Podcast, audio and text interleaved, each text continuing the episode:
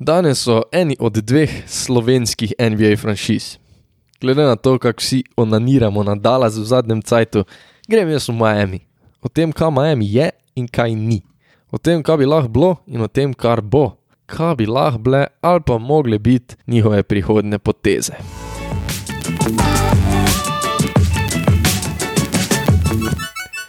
Najprej se je treba zreti nazaj, tudi na Florido, ampak malo bolj severno v Orlando in lanski mehurček, kjer je Miami Heat dosegel finale lige.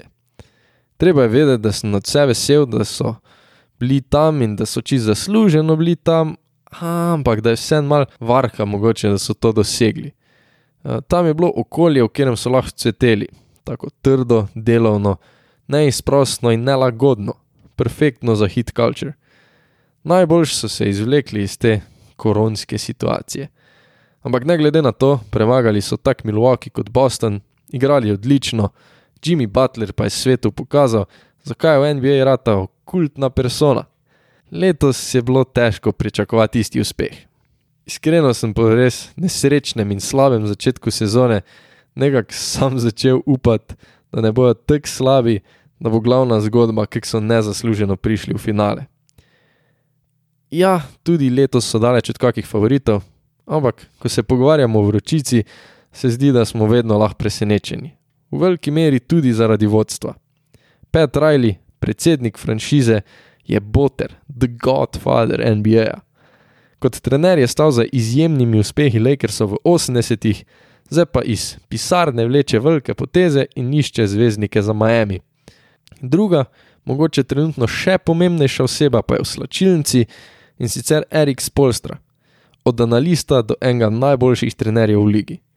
In če lahko Rajlju nekako čitamo gluposti in paniko po odhodu Lebrona Jamesa, ko je povprečnim košarkarjem delal nadpoprečne pogodbe, je Spolstra konstantno dosegal nadpričakovanje. Iz vsake ekipe je iztisnil maksimum, jih pripeljal do dobrih mest in z nekaj groznimi moštvi dosegel končnico. Na klopi Miami je že od leta 2008, star pa je šele 50 let, kar za trenerja sploh ni ogromno. Tukaj je treba omeniti še eno zelo pomembno karakteristiko. Hit culture se začne, pa tudi omogočenje strani teh dveh posameznikov. V večji meri je tu itak Pat Riley, ki podpira in vzgaja to mentaliteto trdega dela, vestnih in zagrizenih igralcev, zmage za vsako ceno. Miami ne tenka, kar je spoštovanja vredno. Riley tega ne prenese, Spolstra pa je dovolj jak, da tudi z ekipo, ki nima kaj za iskati končnici, do tja lahko pride. Zebala, dejansko ekipo, moštvo, ki je lani prišlo do finala, moštvo, ki letos dolgo ni zagrelo motorjev in moštvo, ki bo moglo v nekaj letih, sporedno s koncem Prima Jimmyja Butlerja, vstopiti v vlogo favorita. Miami je ena najboljših obrambnih ekip v ligi, pokrivajo lahko praktično vse položaje, vrhunska obramba pa jim je tudi omogočila lanski playoff run. Letos imajo sicer malo več problemov v napadu, so šele 26 v ligi po doseženih točkah na tekmo, je pa treba vedeti, da so dolgo igrali brez osrednjih igralcev, bodi si zaradi okužb, bodi si zaradi poškodb. Vsa ta obramba, pa v končni fazi tudi napad, pa se začneta pri glavnih zvezdnikih hita, ki sta izjemna tuga igralca. Jimmy Butler in Bema Debajo, Bam vsako leto naredi korak naprej in se izboljšuje. Lani je že bil All-Star in v All-Defensive ekipi, je pa mal nižji center, kar mu omogoča kriti več položajev. Hkrati pa je res full agilen, pa skočen, dober z žogo v rokah, z izjemnim pregledom igre, kar mu je v zadnjih dveh sezonah poprečju prineslo tudi dobrih pet asistenc na tekmo. Za visokega košarkarja je to very good. Hawk at seven working against Butler, got downhill, couldn't punch it. Bam says, get it out of here. Out of bio, sky high with the block and rejection. Na drugi strani pa je Butler na Floridi končno najdel situacijo, ki mu je pisana na kožo. Je en največjih delavcev v ligi, od vseh soigralcev pa pričakuje popolnoma enako. Kri švic pa soze, ali kako bi rekli američani. V Chicagu je to imel, v Minnesoti in Filadelfiji ne glih, zaradi česar se ga je prijel tak neprijeten sloves, da razbija vzdušje v slačilnici. Sam to je mentaliteta prvakov. Mentaliteta, ki jo v Miamiju hočejo gojiti, zato je franšiza Buckets upisana na kožo. Čista volja in trdo delo. Davče tega, da bi bil Jimmy med bolj talentiranimi v ligi, je pa veliko bolj zajeban.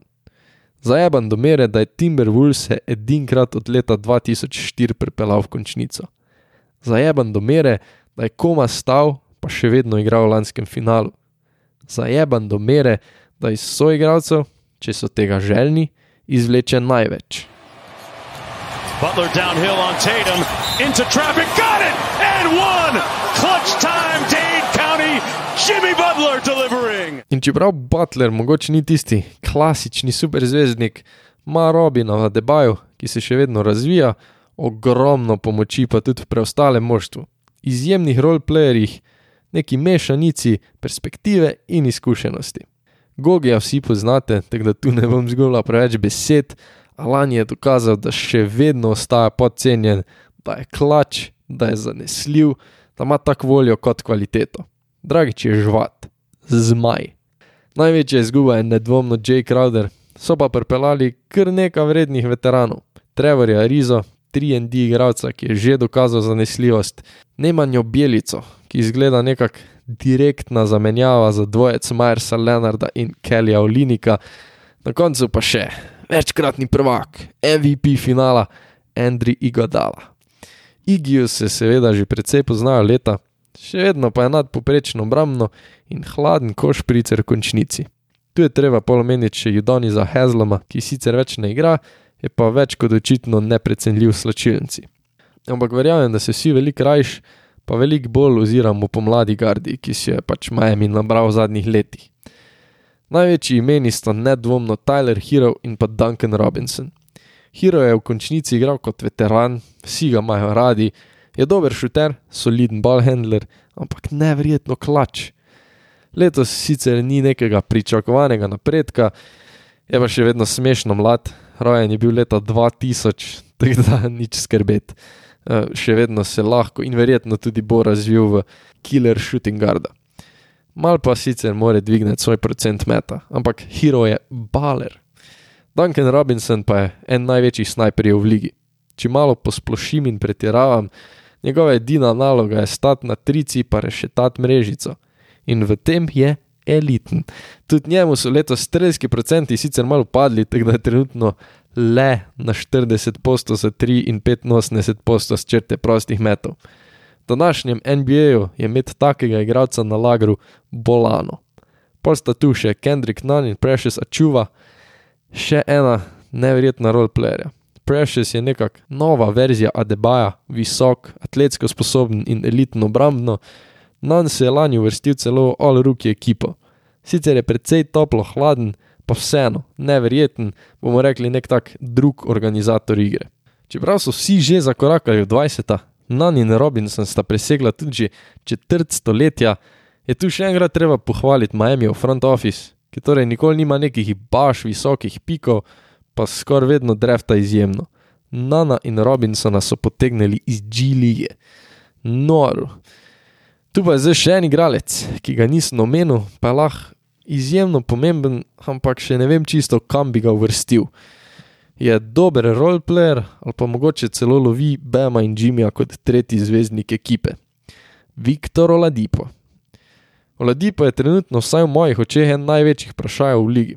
V glavnem tudi zato, ker poleti postane free agent. Leto je začel v Indijani, pol so ga po mreži Harden Trade poslali v Houston, ker ni hotel podaljšati, na trade deadline pa ga je hit uspel pridobiti za praktično nič. Poslali so jim Avrija Bradleya, Kellyja Olinika in pravice za zamenjati zbore leta 2022. Torej nič. Ampak kdo je Viktor Oladipo? Jaz vam lahko povem, kdo je bil. Američan je bil all rookie, most improved, all defensive in all star. Poleg tega, da je v sezoni 17-18 vodil ligo v ukradenih žogah. Z lahkoto ga torej lahko označim za izjemnega košarkarja, verjetno celo zvezdo lige, do poškodbe. Pred dvema letoma si je poškodoval tetivo v stegenski mišici, poškodba pa je potegnila ročno njegovemu sponu. Nazaj ni prišel enak in kljub občasnim prebliskom se zdaj lahko upravičeno vprašamo, če sploh lahko kdaj pride nazaj na isti nivo. Star je že ali pa še le, kak komu 28, maja bo 29, ker so glih neka prime košarkarska leta. Sam velika težava ostaja, da je veliko odsotnih z igrišč. Ita ga pazijo, ne igra glih back-to-back tekem, manjše poškodbice, tudi trenutno malo ne igra zaradi poškodbe kolena. Moramo se iskreno vprašati, koliko se na njega lahko zaneseš. Ampak tudi letos, naprimer, če vzamemo poprečje pri vseh treh moštvih, kjer je igral, dosega slabih 20 pik, slabih 5 skokov, slabih 5 asistenc na tekmo. To je daleč od slavega. Pri Miami je sicer zaenkrat precej porazno, je pa res odšpila samo 4 tekme, tudi njegovi procenti niso ravno rožnati, izrazito wildcard torej. Ampak kaj pomeni to za Miami? Oladipa se že nekaj let nenormalno povezuje z vročico. Zdaj so ga dobili in imajo pol leta za en tak test run, da vidijo, če bi situacija mogoče lahko delovala. Sploh bi mogli dobro premisliti, glede na to, da so skoraj vsi najjači free agenti že podpisali pogodbe in je Viktor praktično med največjimi imeni. Kako pogodbo pa lahko podpiše? Sej to ne, Oladipo, vsaj tako zgleda na zuna, se še vedno maza Max igralca in se tako tudi obnaša. Je pa dejstvo, da pri takih predstavah in težavah z zdravjem ne more biti igralec za maksimalno pogodbo. Koliko lahko iztrži, bomo videli. Definitivno vidim, da mu kakšna Bugarajč franšiza ponudi ogromno denarja, tu pa je tudi veliko odvisno od njega. Gre po denar ali po zmage. Vprašanje je, če je pripravljen sprejeti vlogo tretjega igralca pri Miami. Pa še za to vlogo se bo mogel trenutno kar potruditi. Res upam, da uspe prilest nazaj med elito, da ga fiksno porihtajajo, da se težave s poškodbami končajo in da se mogoče lahko spet pogovarjamo o All-Star kalibru igralca. Ker še vedno kaže, da je lahko pošast, mogoče celo en boljših two-way gardov v ligi. Lahko googlate. Takoj, ko je prišel v Miami, je v eni od akcij lockdownov Stefa Curryja, master šefa lige. Look at Oladipo body up on Curry. Oh, excellent defensive work for Victor Oladipo. Look at the way Oladipo just keeps going at Curry, who can't gather himself and spin or make a move. Just so aggressive, and not only is he moving his feet to stay in front, but then he's active with the hands. Tako da Oladipo še vedno lahko ponudi ogromno. Glavno vprašanje je torej, če je pripravljen stopiti en korak nazaj, pa v miru nadaljevati grajenje svoje kariere. Ker vsem, med Vika Oladipa kot tretjega igralca svoje franšize je vse brej kot slabo. In glede na to, koliko pozornosti smo zdaj namenili, je edino pravilno, da ga označim tudi za moj glavni wildcard Miami. V mojih power rankingsih je hit trenutno četrti najjači na vzhodu, za Brooklynom, Filadelfijo in Milwaukeejem. Prime Ladipo jih lahko potisne malo više, če ne bo imel vpliva, jih morda celo ulovi kak Boston. Kam pa dalje? Dejstvo je, da bo Boki Bati na Miami, Jimmy Butler, letos star 32 imajo res všečno in perspektivno ekipo, težko jih pa vseeno označimo za neke favorite. Upali so, da se znatno izboljšajo v free agencyju, predvsej odkrito so ciljali na Janisa Antetakumpa, bazen prostih igralcev pa se je predvsej znatno zmanjšal. Glavni manjko imajo trenutno na položaju organizatorja igre. Imajo ene pet igralcev, ki lahko organizirajo napad, krati pa noben ni glih pure playmaker razen Dragiča, ki ima tudi velike probleme ostati na igrišču in je zato težka prva playmaking opcija. Gremo v free agency. Hit ima veliko stekajočih se pogodb, poleg tega kar nekaj team optionov, torej da se lahko ekipa odloči, da igralca vzame ali ne vzame za prihodnje leto. Jaz se v čiste podrobnosti, koga bi mogli odsloviti, da bi imeli dovolj denarja za velike podpise, ne bom spuščal, naštel bom samo opcije. Če grem skozi tiste Največji free agente so to Kyle Lowry, Oladipo, Demar DeRozan in Mike Conley. Chris Paul in Kawhi Leonard pa imata player option, torej da lahko ona dva kot igralca ostaneta na trenutni pogodbi pri trenutnih ekipah ali pa podpišeta kak drug deal. Leonarda bom tukaj ignoriral, ker trenutno nič ne kaže na to, da bi imel namen zapustiti Clippers. DeRozan mi je kul cool igralec, a nima glih smisla za Miami, tako da dvomim, da bi šli na to pot, o Ladipu sem že pet minut govoril, pol pa ostane še nekaj izvrstnih organizatorjev. Je pa res, da so vsi že krepko v letih. Najmlajši s 33 je Mike Conley, ki je ironično na tej točki verjetno tudi nekako najmanj vreden. A ima super sezono, prvič v karieri je bil All-Star in lahko še ogromno pripomore, a tudi ni čisti playmaker. Zdaj tudi tu ne vidim, da bi šel iz jazza, ampak njegov podpis za Miami bi bil kul, cool, še utrdil bi jih in dvignil nivo kvalitete, hkrati pa dvomim, da je lahko tisti X-faktor, ki ga rabijo. In pol pridemo do Kajla Laurija in point goda Krisa Pola. Lauri je veliko bolj verjeten, je tisti čisti free agent, veliko se je govorilo celo o tem, da bi ga že letos hit pripeljal s tradom. V glavnem, trd košarkar, ki neprestano grize, je nadležen, ima mentaliteto zmagovalca. Glih prav za Miami. Je dober organizator napada, letos ima več kot sedem asistenc na tekmo s šampionskim pedigrejem. Za naslednjih nekaj let nedvomno dvigne raven in hit postavi v širši krog favoritov. Nekega sliperja z dovolj kvalitete in pravo mentaliteto za osvojitev naslova. Tu je mogoče en mičken problem, sam to, da bi znal biti sign and trade, torej da Lauri podpiše za Toronto in je pol menjan, tako da dobi in več denarja in Toronto nekaj v zameno. Bomo videli. Kot zadnji, ki bi mogoče pa dejansko ustvaril neko situacijo, ko je Miami blizu vrha, pa je Kris Paul.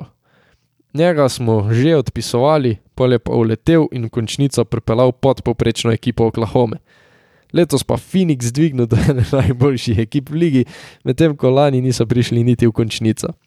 CP3 je po mojem mnenju še vedno najboljši tak pure point guard. Skrbi, da igra teče, da žoga tam, kjer more biti in je pripravljen dosegati mal manj točk za par več asistenc. Neverjetno inteligenten, izkušen veteran, ki bi ob Butlerju, Pemu in potencialno celo Oladipu lahko vročico z Floride dvignil na raven prvakov. Tu pa prijemo zdaj do tistih problemov. Pol je lider in mal zajeban karakter, podobno kot Jimmy. Posledično bi ali neverjetno sedla skupaj, ali pa bi se poklala. In še zadnji problemček, njegova pogodba.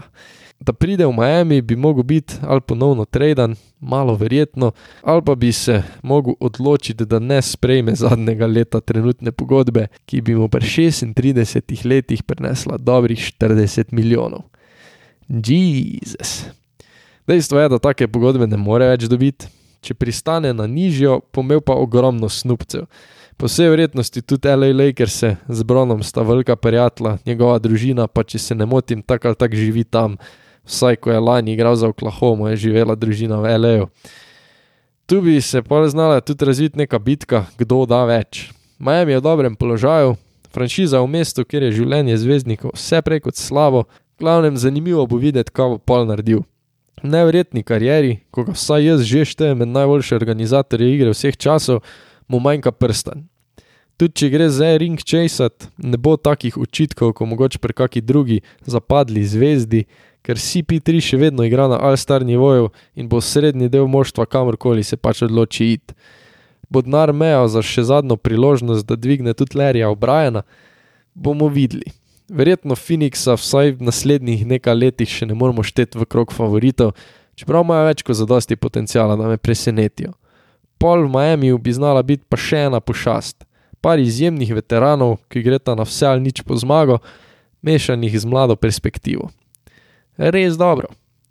Še en scenarij, ki pa je tudi daleč od nerealnega, pa je, da bo Pet Riley iz klobuka na mest Zajca potegnil en blockbuster trade. Kot sem že naštel, nabrali so si ogromno mladega talenta. Tako Riley kot franšiza pa sta željna novega zvezdnika.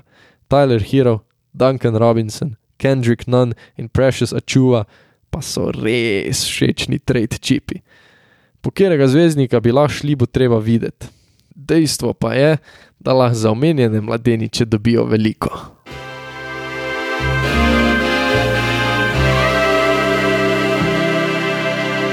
to je to za danes. Hvala vsem, ki ste poslušali. Izjemno pa vam vesel, če se odločite naročiti, oceniti ali pa napisati review, ker to face pomaga podkastu. Navdušen bom, če podate kak komentar, kritiko, tudi mogoče, kaj si želite slišati, ker je od naslednjih epizod. Najbolj pa vam vesel, če se odločite priporočiti prijateljem, ker vsaj v mojih očeh to pomeni, da vam je res od srca všeč. Se čujemo naslednji teden. Ajde!